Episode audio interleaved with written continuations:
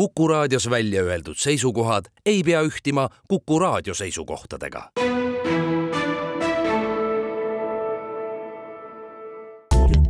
tähendused, teejuhid tere, oleme eetris siis äh, Tähenduse teejuhtide kahesaja üheksateistkümnenda vestlusringiga, mis on ühtlasi kahe tuhande kahekümne neljanda aasta kevadhooaja avasaade ja on siis äh, seetõttu eriti suur rõõm tervitada kahte saatekülalist, tere tulemast, Maarja Vaino! tervist! tere tulemast, Karmo Kroos äh,!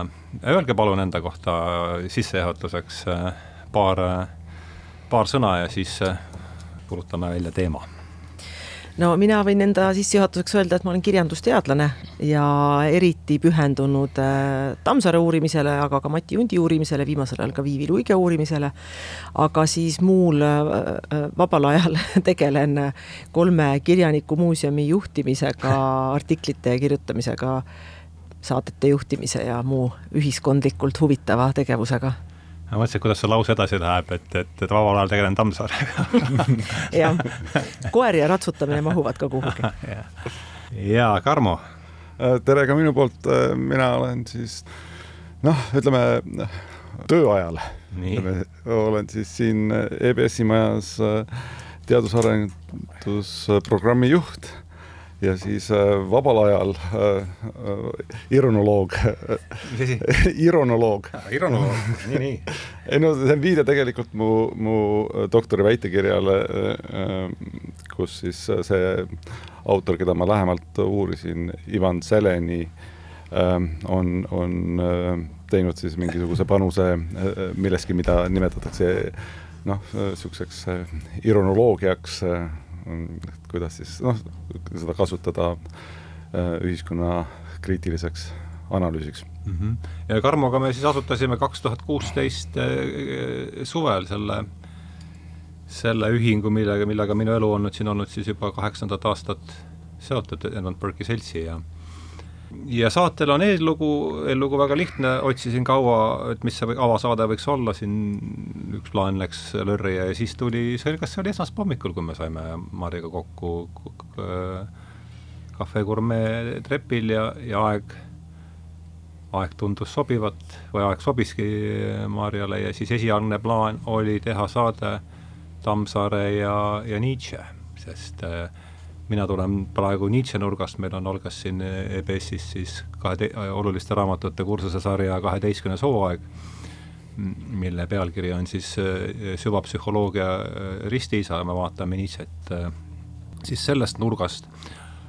aga siis oli siin ka mitmeid mõtteid teise saatekülalise osas, täna näeme siin siis Karmo Kroosi ja seetõttu noh, Tammsaare panin praegu töö pealkirjaks filosoof Tammsaare, et rääkida Tammsaare filosoofilistest äh, mõjutustest, aga aga no kuivõrd, äh, ma ei tea, mis, Karmo, sinu kokkupuudet Tammsaarega, millal, millal viimati lugesid? ma ei mäletagi noh, ma arvan, et võib-olla see, kui nüüd äh, see film välja tuli, eks see tuletas ju meis kõigis sa mõtled see mängufilm? jah, mängufilm, et ja, ja, ja. tuletas ju meis kõigis need, need äh, teemad meelde, et aga ma mõtlen siis seda, et hakkame siit võib-olla Tammsaare juurest äh, teda vaikselt kangutama, aga isegi võib-olla oleks huvitav, et see saade võiks olla praktilisest filosoofiast, et, et millist rolli on üldse mänginud filosoofia teie elus ja ma võin rääkida, minu elus on ta selgelt mänginud viimasel viiel aastal olulist rolli, et et mul on olnud siin oma pusa arutada ja ja ma arvan, et ta hakkas hargnema alles siis, kui ma sain aru, et ma elan filosoofias või et ma elan mingis maailmavaates ja et kui ma, et kui ma elan maailmavaates, siis järelikult ühes maa-, mitte nagu inglise keeles, ma mitte mitte maailmavaates siis, vaid ühes maailmavaates ja kui ma sellest juba aru sain, et ahah, et see on üks maailmavaade, siis on järelikult on teisi veel. ja, ja noh, sealt alates võib-olla hakkas üldse, kui mingist tervenemisest saab üldse rääkida, et siis sealt hakkas see tervenemine pihta ja ja mulle tundub, ma teen niisuguse metodoloogiliselt äärmiselt kaheldava käigu, mulle tundub, et see, mis siin endaga on juhtunud viimase kümnekonna aasta jooksul, seda elab see suur põld ka praegu läbi, et me seisame, et kui on kui siin tsivilisatsioonina on äh, plaan ellu jääda, see on suur kui muidugi, et siis tõenäoliselt tuleb see pööre äh, pööre teha ka tsivilisatsiooni tasandil, et see on nüüd see nurk, kus mina sisse tulin äh, sellesse vestlusesse, aga aga ma ütlekski esimese, võib-olla esimese, esimese teemana, et filosoofia ja teie, Maarja, hakkame Maarjast pihta, millist rolli noh, ma, ma loodan, mu jutt oli mingil määral järg, järgitav, et, et hakka, sealt palun pihta ja, ja seo seda Tammsaarega või kuidas, kuidas sa seda ka soovid? jaa, no minul ma, võib-olla esimesed kokkupuuted olid äh, juba keskkoolis, kus meil tuligi selline aine nagu filosoofia ja see oli ootamatult huvitav, sest mhm. seesama õpetaja andis meile ka ajalugu ja ta ei andnud ajalugu eriti hästi. ja, ja siis ma olin väga üllatunud, et ta ühtäkki annab ühte teist ja, ja filosoofiat ta kuidagi andis huvitavalt. mis koolis sa käisid üldse? Äh, Õismäe humanitaarkeskkoolis, mis oli ennem üheksas keskkool. ja, ja siis äh, juhtus muidugi nii, et äh, hi, pärast keskkooli ma olin pikka aega abielus äh, inimesega, kes õppis teoloogiat. Tema kõrvalt ma lugesin tegelikult päris palju ka igasuguseid teoloogilisi materjale, igasuguseid filosoofilisi materjale ja kuna mind on ennast kogu aeg huvitanud kirjandus ja mind on ennast kogu aeg huvitanud psühholoogia, psühhoanalüüs mm, -hmm. siis sedakaudu ma olen lihtsalt neid asju enda rõõmuks lugenud mm. -hmm. et ma päris kiiresti sain aru, et ütleme, klassikaline filosoofia Äh, kõik need tohutu pikad traktaadid äh, mind sageli ei köida eriti. et suuremal osal filosoofidel, mis ongi filosoofia mõte muidugi, on äh, noh, kombeks ikkagi olla küllaltki hargnev. ja, ja harva kohtad sa sellist filosoofi, kes, kes oma mõtteid paneb kirja nii, et ta sind nagu noh, käivitab või, või intrigeerib kohe et, et, et sagedamini sa pead liiga kaua seda tera sealt taga otsima. ja, ja, ja seetõttu ma ei, isegi ei oska öelda, et mul oleks nagu mingit erilist lemmikfilosoofi kunagi olnud. Äh, aga küll, küll aga tõesti väga kiiresti leidsime ühise keele Jungiga mm, -hmm. et Jungi. millal sa, millal sina Jungini jõudsid? no see oli ikkagi päris ammu, ma arvan, et äh, ma arvan, et ma võin isegi öelda mingi kakskümmend aastat tagasi, kui olid mm. mingid esimesed asjad ilmusid eesti keeles ja mm, -hmm. ja noh, eks, eks kui siis sai välismaal käidud, sai neid inglisekeelseid raamatuid juurde ostetud, noh nüüd on juba nii palju tõlgitud. ja eks eesti keeles on ikka parem lugeda, kui on hea tõlkija no, äh, ja, ja ühesõnaga pigem mul nagu nihkus jah huvi, huvi nagu sinnapoole äh, sellest sellisest, kuidas öelda, ratsionaalsest filosoofiast rohkem sellise intuitiivse ja. psühhoanalüüsi poole. Ja. ja muidugi noh, parim kirjandus on ju alati mõlemat ja Tammsaares on mõlemad olemas.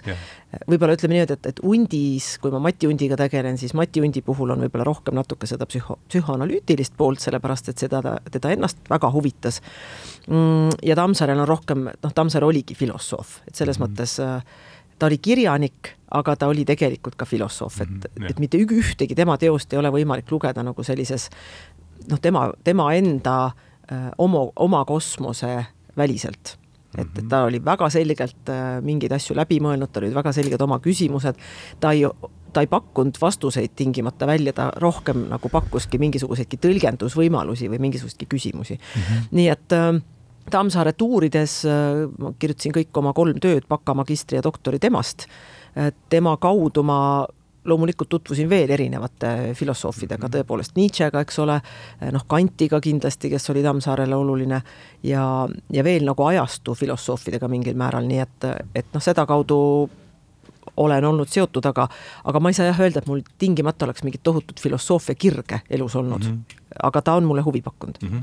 Karmo, sama küsimus ma jäin siin mõtlema, et äh, keskkoolis mul küll ei meenu, et või noh, ma olen kindel, et meil ei olnud niisugust ainet nagu filosoofia, aga, aga äh, võib-olla keskajal ja aegse vist ei olnud, jah?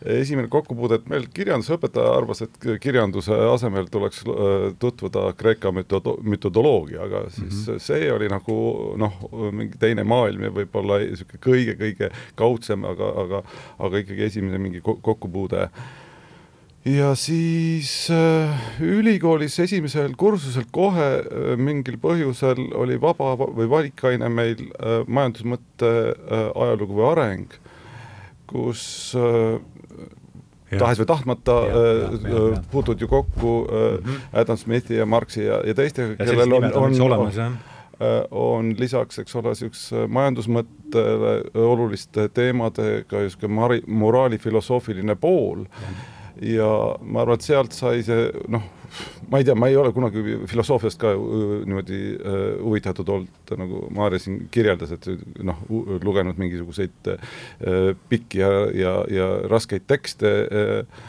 ja tahtnud midagi tõlkida või noh, ma ei tea, noh, nii nagu võib-olla see tihti, tihti filosoofide puhul, kes, kes seda, seda teed käivad nagu akadeemiliselt, kipub minema aga, aga see pisik jäi sealt külge ja siis äh, ma noh, teaduk läksin äh, õppima magistratuuri politoloogiat suure huviga poliitfilosoofia vastu aga see, see kirg sai ka kuidagi kiiresti äh, seal, seal Budapestis äh, ära tapetud äh,. noh, tagantjärgi noh, ma saan aru, et võib-olla lihtsalt see õppejõud Janos Kiš, kes meil äh, äh, seda, seda äh, oli pandud õpetama äh,, oli lihtsalt sellest, sellest äh, kaadrist, kes seal, äh, seal äh, auditooriumist all vastu hakkas, vaatas lihtsalt nii palju üle, et, et, et noh, et oota, mis ainet ta andis?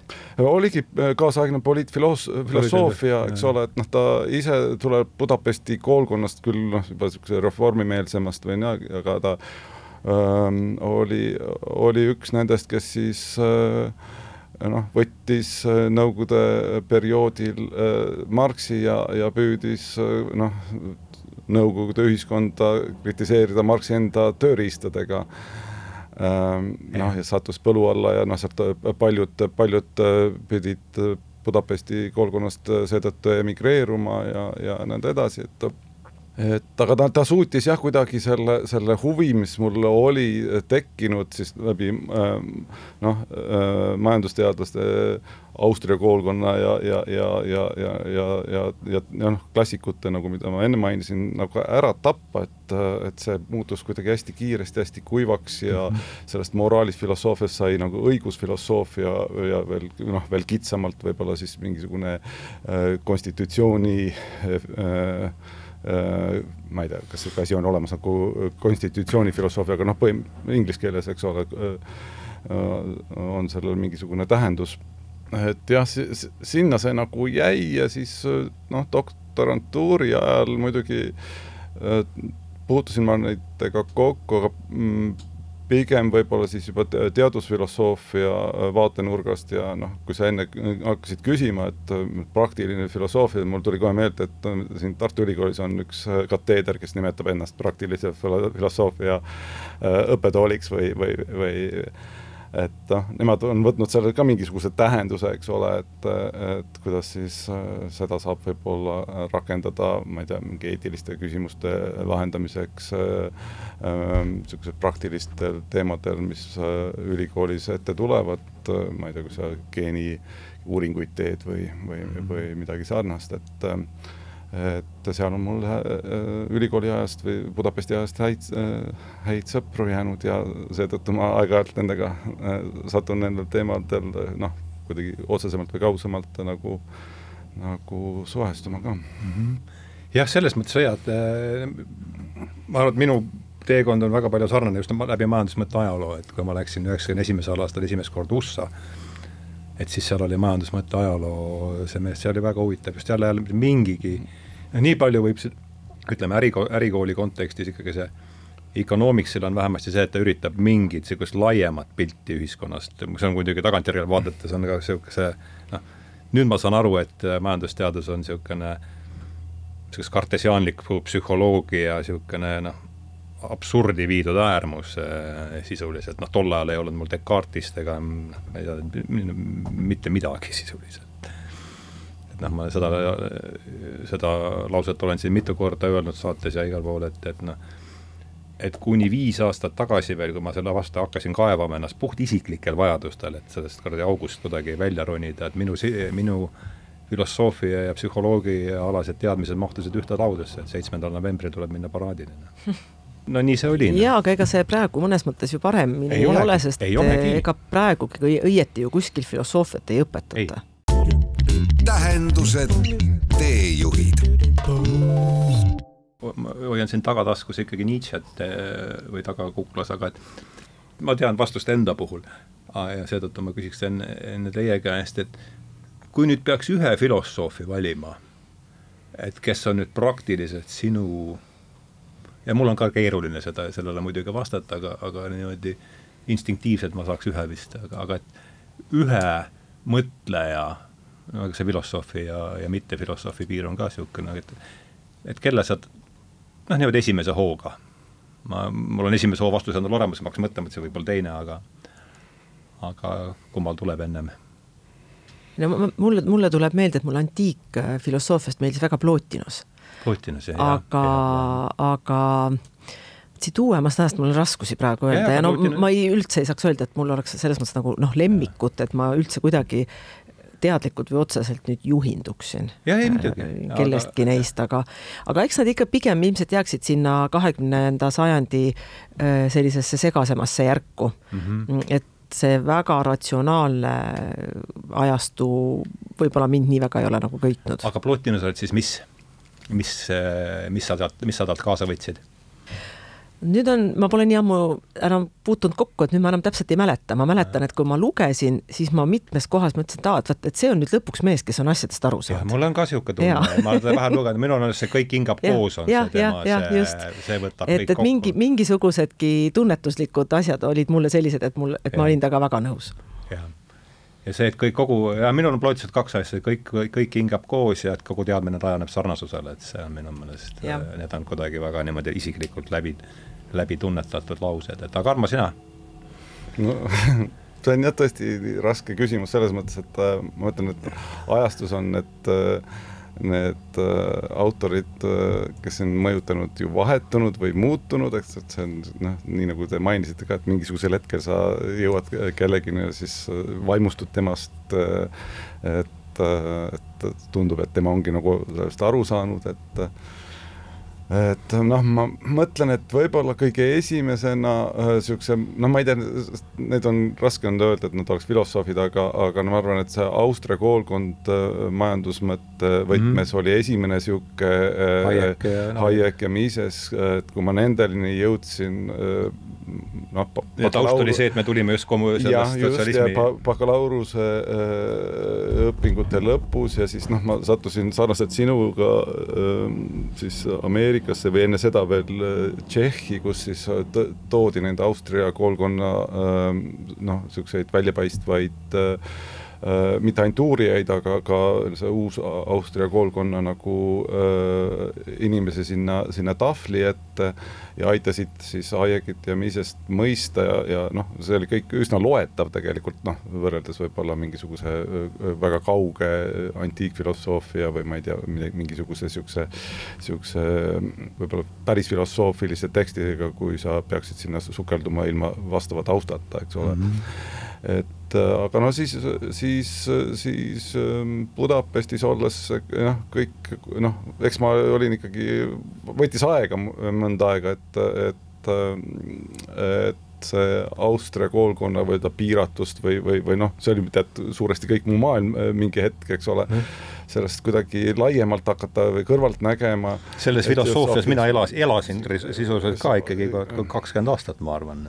nojah, ja, ja noh, ja siis vaata seal seal kaasaegsed poliitfilosoofid, kes sellega nagu haakusid, eks ole, ja noh, luges, sai neid loetud ja siis noh, võib-olla läbi nende, kes neid, kelle omakorda kritiseerisid, jõuda, jõutud siis natuke kriitilisemate Äh, tõlgenduste ja mõteteni ja noh, kriitilise teooriani laiemalt, äh, noh, ma arvan, et niisugune järgmine niisugune tõesti niisugune ahaa võib-olla oli Bourdieu, äh, noh, jällegi ma ei tea, eks ta on filosoofiat ise õppinud ja, ja, ja, ja tunneb ennast väga kodus, eks ole, kas ta ise nüüd päris filosoof on, paljud peavad teda sotsioloogiks, eks ole, aga noh, Äh, aga sealt taustast ta tuleb ja noh, tema võib-olla oli niisugune noh, hoopis teistsugune, teisest kult-, niisugusest kultuurist, eks ole, äh, ja, ja nägi neid asju noh,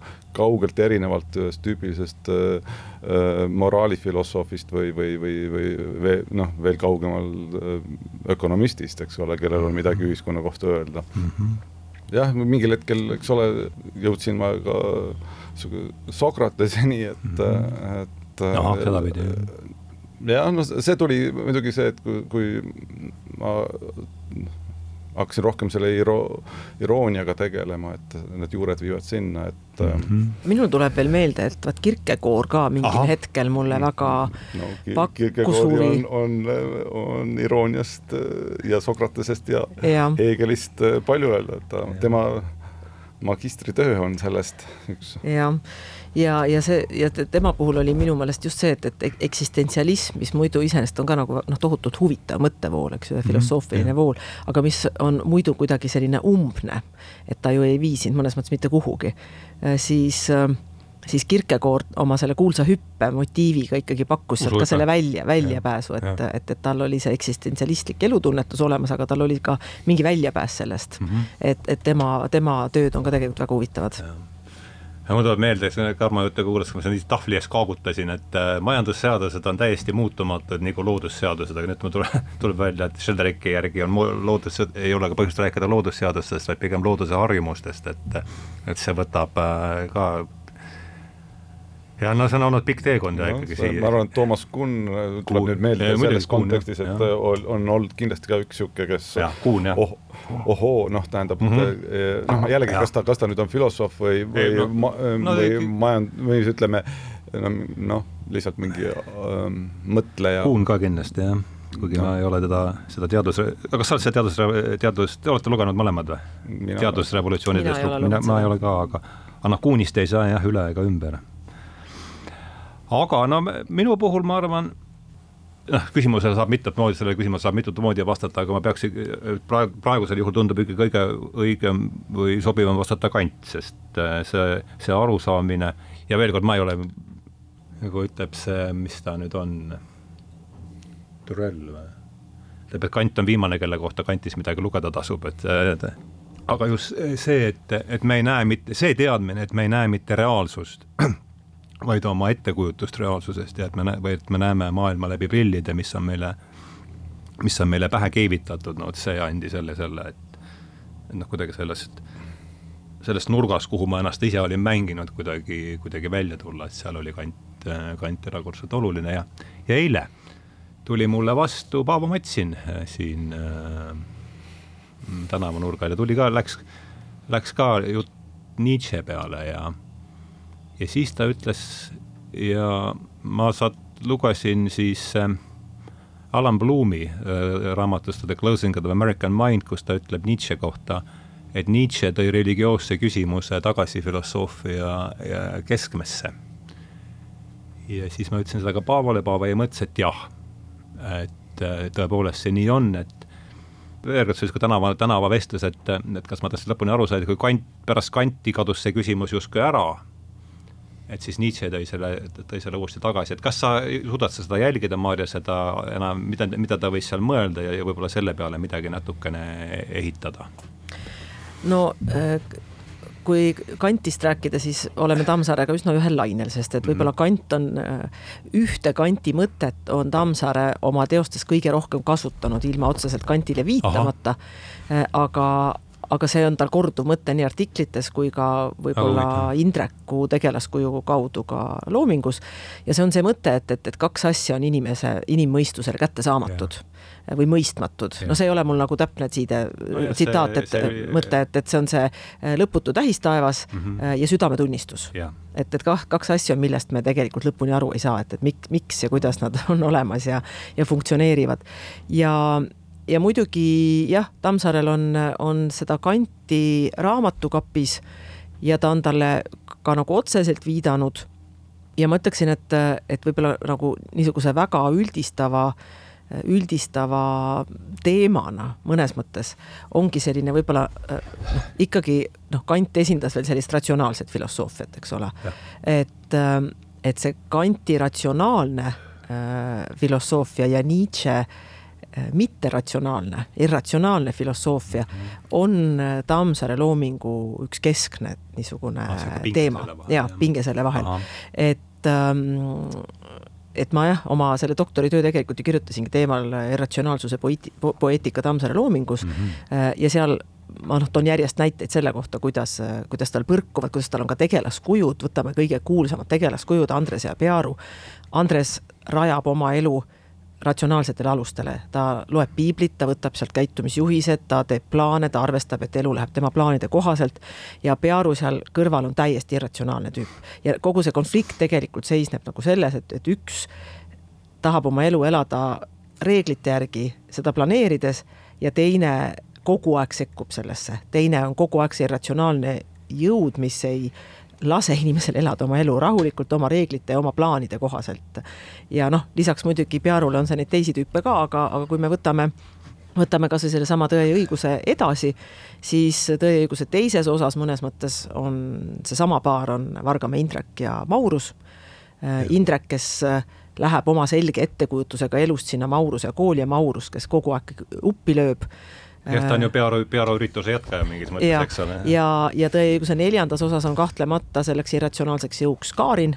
mul oli kusjuures Karin oli esimene, kes mulle tuli põsaka. ja, ja, ja seesama jätkub tegelikult Tammsaare viimases romaanis Põrgupõhja uus vanapagan. Äh, muidugi vahepeal on veel, eks ju, on Irma ja Rudolf elus ja armastuses, ainult et Põrgupõhja uue vanapagana puhul äh, on, on siin mõningaid vaidlusi, mina näen irratsionaalse jõuna seal ikkagi Jürkat ja, ja Antsu äh, ah, niimoodi, selle ratsionaalse jõuga, kes esindab tegelikult ja, ja, seda noh, inimlikku kurjust, ütleme siis, äh, või inimlikku maailma äh, ja, ja Jürka on tegelikult see, kes, kes mm -hmm. sellesse sekkub. paljud näevad, et Jürka on pigem Andrese tüüpi tegelane, et rügab seal ma, tööd teha ja, ja, ja kõik nii edasi. ka esimene aga, aga jah, et, et, et mulle siiski tundub, et, et Jürka mängib lihtsalt suuremat mängu, et ta noh, mõnes mõttes ju mängibki noh, mängibki lolli ka mm. -hmm nii et, et selles mõttes on, on ütleme, Tammsaare looming on tõesti üdini filosoofiline. Äh, aga et kui hästi üldistavalt öelda, siis ma arvan jah, et, et see niisugune äh, Kanti ja Nietzsche ja, ratsionaalse ja irratsionaalse pinge on, on, on üks keskne teema selles loomingus. ja, ja Kant on siis läbi selle lõp, lõputu tähistaeva ja, ja no, jah, ja üleüldse see mõtlemismallina no,, üleüldise mõtlemis- või ellusuhtlemismallina. keskne kujund on siis see seal, jah. no see südametunnist-, see tähistaeva südametunnistuse teema tuleb hiilgavalt esile Tõe ja õiguse teises osas, kus ja seal tuleb ka kohe Nietzsche mängu, eks mm, -hmm. kus ju selle romaani teise osa lõpus Indrek on kosmoloogia tunnis, kus siis kosmoloogia professor räägib lõputust tähist, tähistaevast ja, ja Indrek ja ma ei mäleta, kas mõni teine õpilane veel küsivad, et aga et kui on lõputu tähistaevas, et kus on siis Jumal mm. -hmm. ja, ja see professor vastab, et mina olen teda eluaeg otsinud, ei ole leidnud, aga teie võib-olla leiate. jah, see tuleb mulle meelde. jah, ja, ja, ja sellele järgneb siis Indreku mäss Jumala vastu, eks ju, ta kuulutab Jumala surnuks koolilehes no,. teeb Nietzsche. teeb Nietzsche't, eks ole.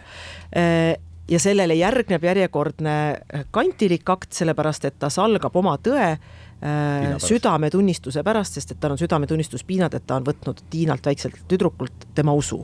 ehk siis seal on tegelikult seal ühe, ühe romaani lõpustseenides on tegelikult juba kõik need probleemid koos tuleb meelde sellega, selle Kolakovski, ma ei mäleta, mis essee see on, aga ta tsiteerib Titovi, German Titovi, kes oli siis pärast, pärast Gagarinit, oli teine mees kosmoses, et see tuli sealt alla, ütles, et tema sõitis seal raketiga ringi ja, ja jumalat ei näinud ja seetõttu võiks siis seda tema tähelepanekut kasutada ateistlikus kasvatustööd, mille peale Kolakovski, et mismoodi ta siis seda asja endale ette kujutas, et sõidab seal ringi ja näeb kusagil kuu serval istumas habemikku vanamees, kes ütleb talle vene keeles, et et mina olen Jumal ja mina dikteerisin piibli.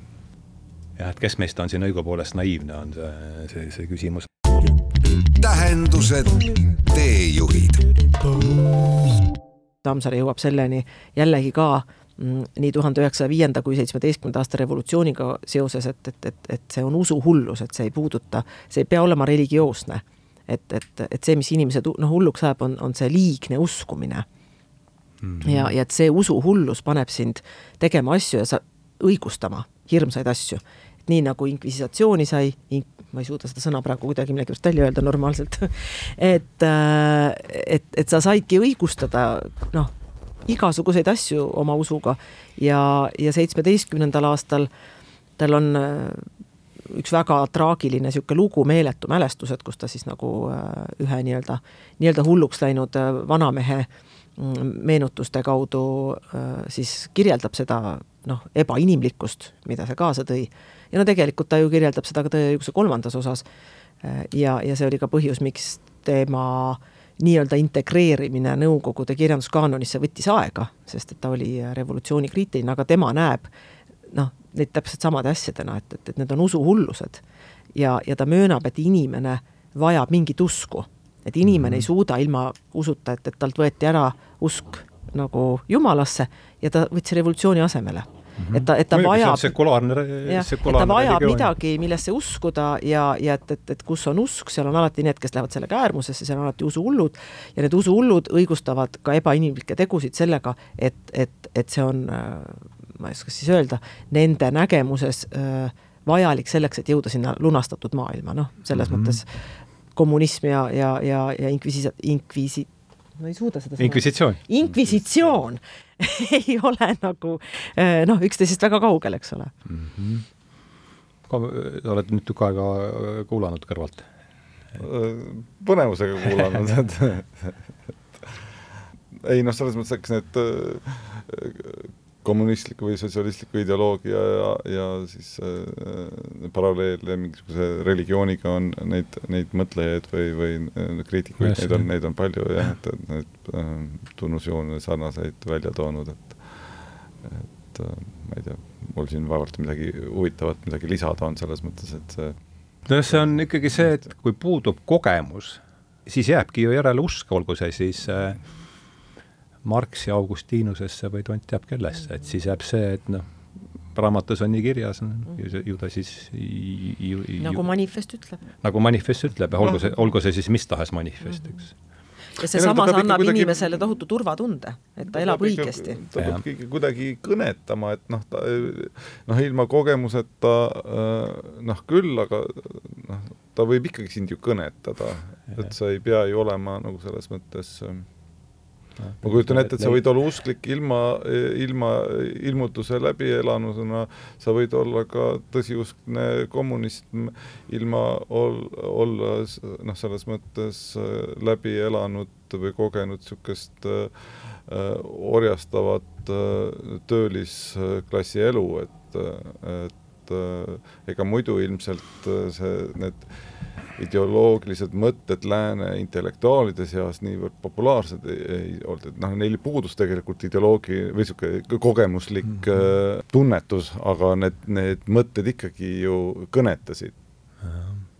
ja noh, on ju päris palju neid, või noh, palju, aga, aga noh, mõned, mõned, mis mul meelde tulevad, uurimused, mis on tehtud äh, siis äh, kirikuõpetajatest, kes äh, noh, on julgenud tunnistada, et nad ei, nad ei usu Jumalasse ise, et äh, et sa võid olla ikkagi selle masinavärgis osaline äh, äh, teha oma numbrid ära ja jah, aga aga siin tuleb ju ka ikkagi Nietzsche meil veel mängu, et, et nihilism, millest me ei jõudnud täna üldse rääkida, et see no nihilismi seostatakse, eks ole, Nietzschega, kuigi ta võib-olla tingimata iseennast nihilistiks ei pidanud, aga aga tänapäeva maailm on igal juhul nihilistlik, et, et tänapäeva maailmas mõnes mõttes ju inimesed ei usu eriti paljudesse asjadesse, mis nende väärtushinnanguid nagu neid, ütleme seda sisemist moraali väga nagu äh, määraks, et, et tänapäeva maailmas ikkagi väga palju on künismi, nihilismi ja, ja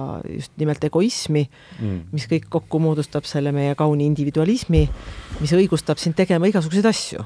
et sa, mm-hmm. et selles mõttes äh, on, on see veel täitsa eraldi teema, kuigi noh, samal ajal tõenäoliselt millessegi ikkagi inimesed usuvad, võib-olla usuvad vähemalt ilma teadet, kuigi see on viga ilmselt, aga aga, aga no ühesõnaga no, päris ilma usuta seal on teisi saateid veel, millesse uskuda et mul tuli praegu meelde, see oli seitsmeteistkümnendas lehes oli intervjuu mm, USA teoloogi Matthew Foxiga, mingi seitsekümnesse keelde on tõlgitud ta neid asju ja ja siis ta toob seal sellise episoodi, kus ta käis Hollandis esinemas, siis keegi oli, teda oli intervjueeritud televisioonis ja siis oli pärast see äh, see saatejuht oli küsinud, kuule, kas teil on seal tõesti Ameerikas niimoodi, et inimesed kogevad Jumalat?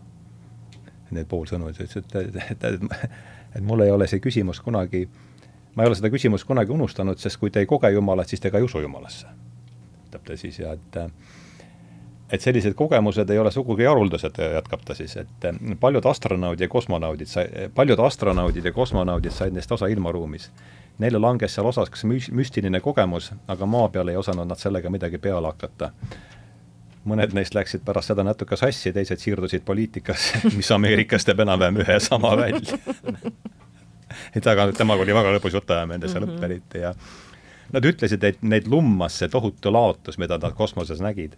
Ma olen nendega mõnedega, ma olen mõnega nendest, neist isiklikult kohtunud. Nad ütlesid, et, neile avaldas erilist mõju ilmaruumi pimedus ja vaikus. see on nüüd eriti vahva koht, et ma mõtlesin endamisi kui palju läheb meile maksma ühe mehe, nad olid suuremalt jaolt endised hävituslendurid, pööramine müstikuks? ma sain vastuseks umbes nelikümmend kaks miljonit dollarit kord Forty two million dollars a shot kindlasti on olemas ka odavamaid lahendusi.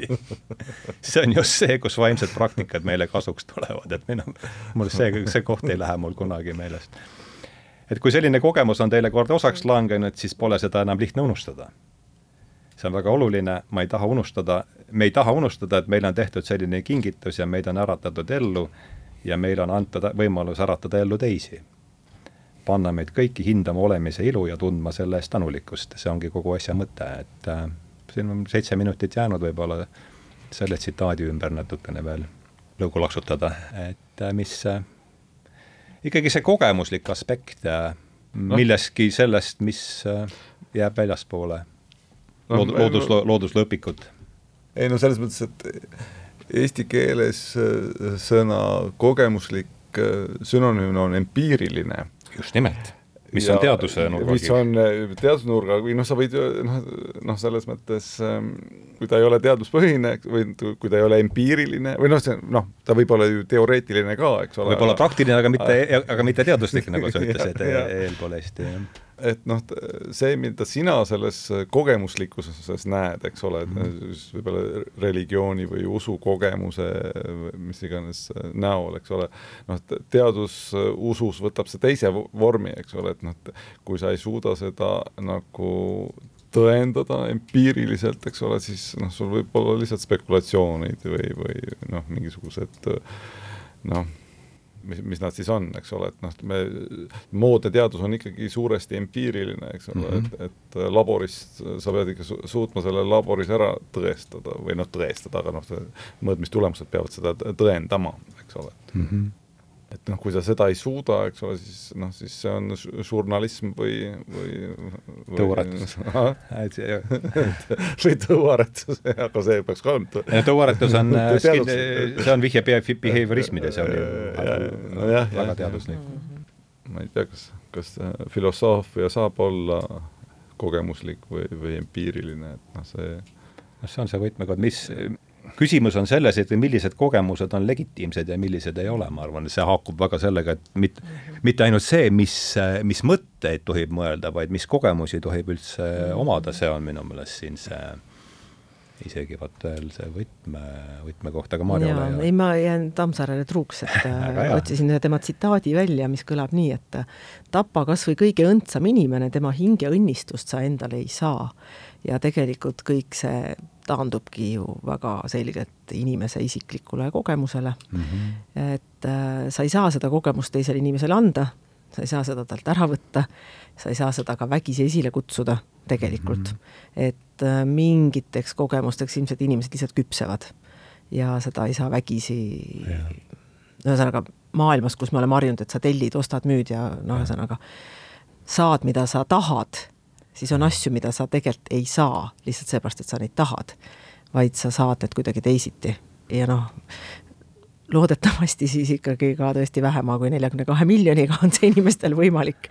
et, et ma arvan jah, et et see kogemus on, ongi nii ja, ja on väga palju sisemisi arusaamisi, tunnetuslikke hetki, mida sa ei oskagi teiste jaoks sõnadesse panna või teised inimesed äh, ei saa neist samamoodi aru, kui nad ei ole sedasama kogenud, et mul tuleb veel üks Tammsaare ütlus meelde, et, et, et sa äh, jõuad mingisuguste mõteteni, et sa oled nagu see mingisugunegi äh, tark, kes mõtleb mõtteid, mida ei ole kellelegi vaja, või siis ainult samasugusele targale nagu sa ise.